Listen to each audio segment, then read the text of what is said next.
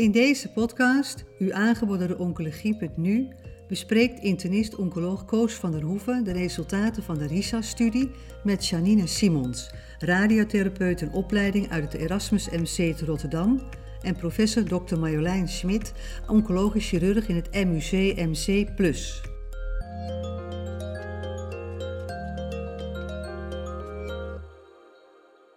San Antonio Breast Cancer Symposium 2020. Dit jaar een eh, virtueel congres, maar desalniettemin belangrijke onderwerpen.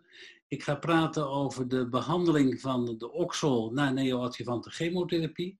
En ik ga dat doen met iemand die daar een presentatie over gegeven heeft in San Antonio. Dat is Janine, Janine Simons.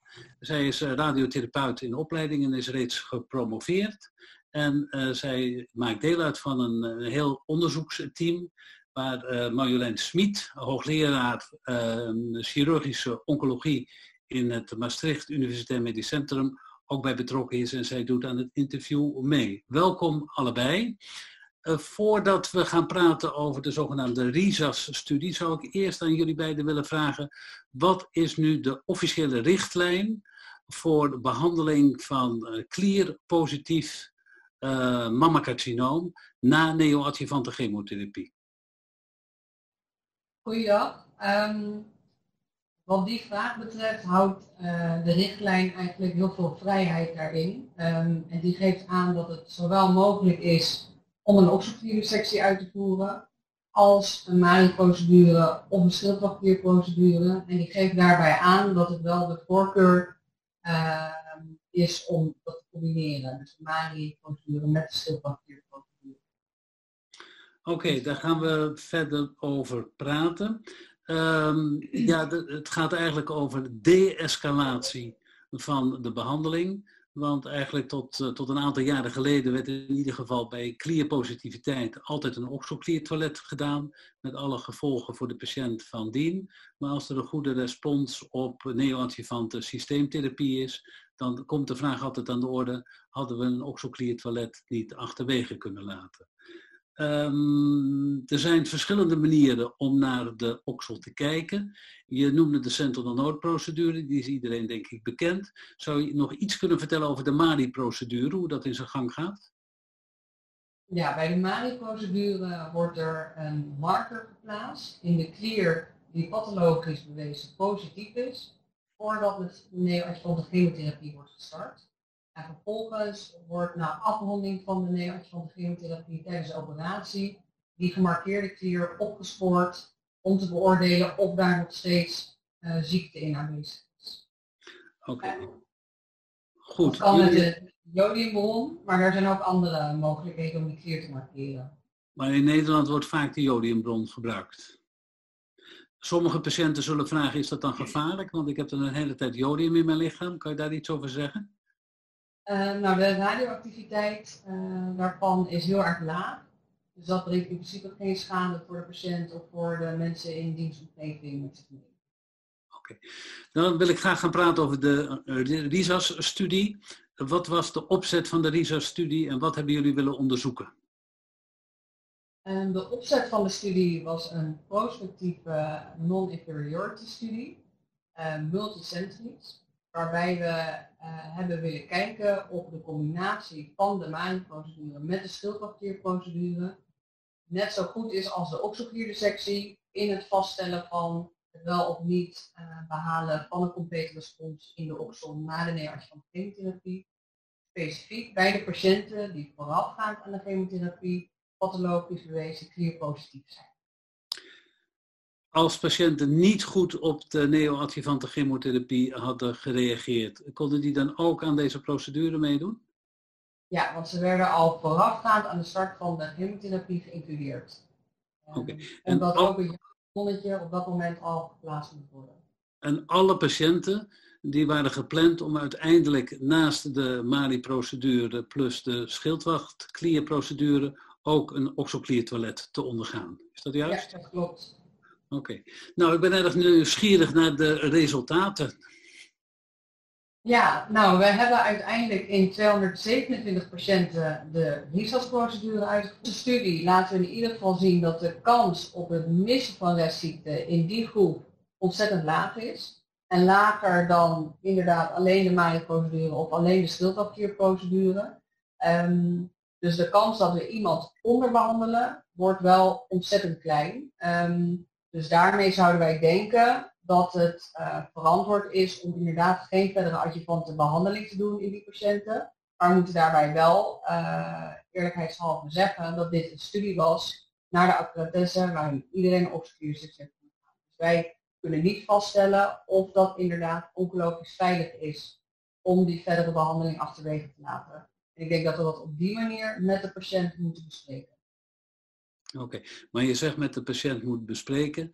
Als we in heel Nederland kijken, dan zie je dat sommige ziekenhuizen uh, na een neoadjuvante chemotherapie, tot, die tot een klinisch negatieve oksel geleid heeft na de chemotherapie, besluiten om alleen schildwachtklierprocedure te doen of alleen een MALI-procedure te doen.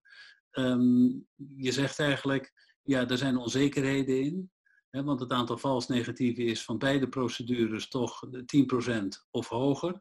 Als je het combineert, dan kom je tot een, vals negatieve uh, schildwachtklier, marieklier, van, van, van, van heel erg laag.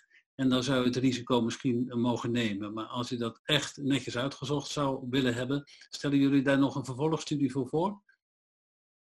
Uh, er loopt nog een soortgelijke studie in Frankrijk. Um, die uh, zal naar verwachting in 2022 dacht ik de resultaten hebben. Um, maar ik denk dat we uh, met de kennis uit deze studie toch al kunnen stellen uh, dat deze procedure heel erg accuraat is en heel dicht bij de opspiersectie in de buurt komt. Marjolein Smit, aan jou nog even de concrete vraag.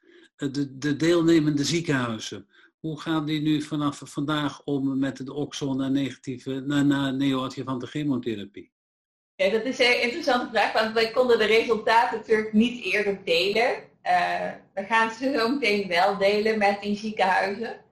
Uh, ja, wij hopen van harte dat iedereen het toepast. En uh, ik, uh, ik moest net wel denken aan een opmerking die je net maakte over uh, het gevoel van respons na de systemische therapie.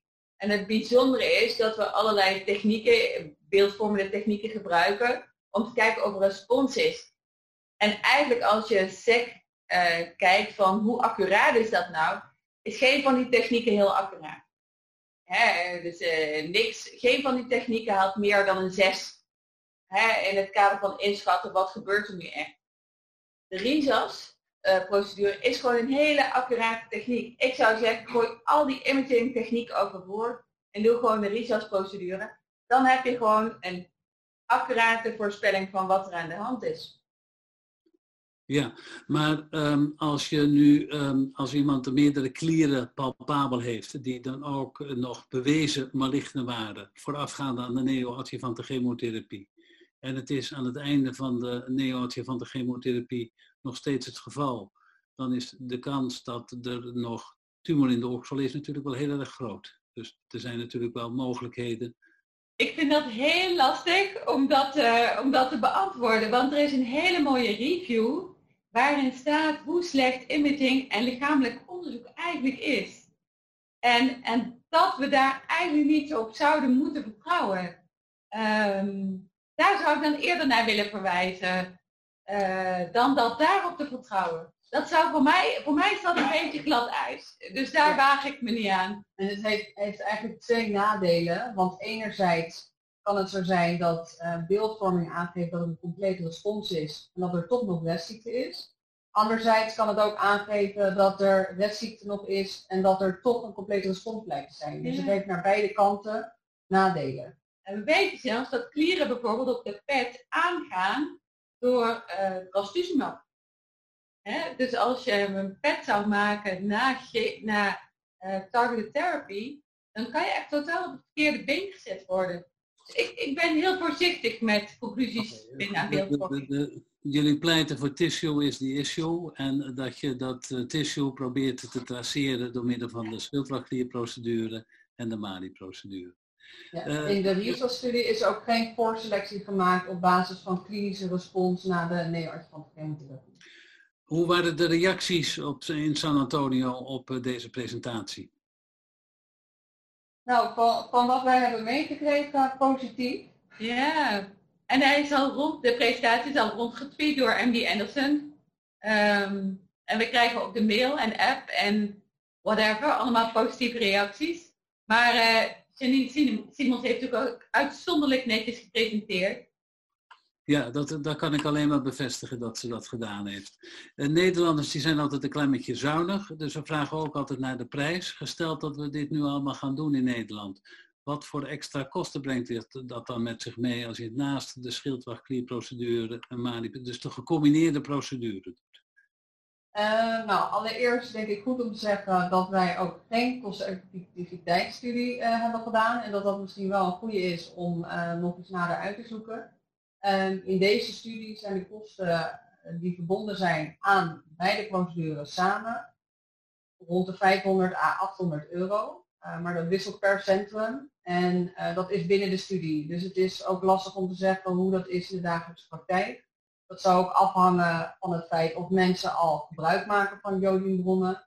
Um, dus dat is eigenlijk lastig te zeggen. Um, en daarbij um, kunnen we natuurlijk uh, dat moeilijk vergelijken met de kosten van een obstructieve want dan moeten we kijken naar de operatietijd, die dan waarschijnlijk langer is. Het aantal klieren, wat veel meer is wat beoordeeld moet worden door de patholoog. Uh, de kans op late termijn effecten qua bijvoorbeeld lymfeuideem, die zullen minder zijn als niet alle klieren zijn verwijderd. Ehm, dus het is lastig om te zeggen wat dit qua kosten betekent. Maar de extra kosten van 500 tot, tot 1000 euro, die lijken geen belemmering te zijn om dit uit te gaan voeren. Toch nog eventjes terug naar die leercurve. Want uh, je zei, die is er nadrukkelijk. Gesteld dat nu tien andere ziekenhuizen in Nederland zeggen, we gaan dit ook doen. Eh, met wat voor leercurve moet je ongeveer rekening houden? Of hoe zou je dat in willen schatten? Want jullie hebben gezegd, je moet het leren. Marjolein, het bijzondere is dat er gisteren een symposium is geweest van de Nederlandse Vereniging voor Chirurgische Oncologie, waar gevraagd is wat voor procedure werd gedaan. En daar werd in het leeuwendeel van de ziekenhuizen wordt deze procedure al gedaan. Dus het is net wat Janine al zei, heel veel ziekenhuizen zijn gaandeweg al uh, selectievere procedures gaan doen. En het bijzondere is dat waarschijnlijk ook door de bekendheid van de RISA-studies studie heel veel mensen al de RISA's-procedures zijn gaan doen en daarmee ook al door de leercurve heen zijn. Oké, nou dat moet voor de patiënt uh, vertrouwen geven. Ik wil jullie eh, heel erg hartelijk danken voor dit interview. En uh, het was heel erg mooi dat er vanuit Nederland weer een belangrijke presentatie in San Antonio gedaan kan worden. Dank jullie wel. Dank je wel. hartelijk dank. Bent u geïnteresseerd in meer podcasts? Deze zijn te vinden op de website oncologie.nu.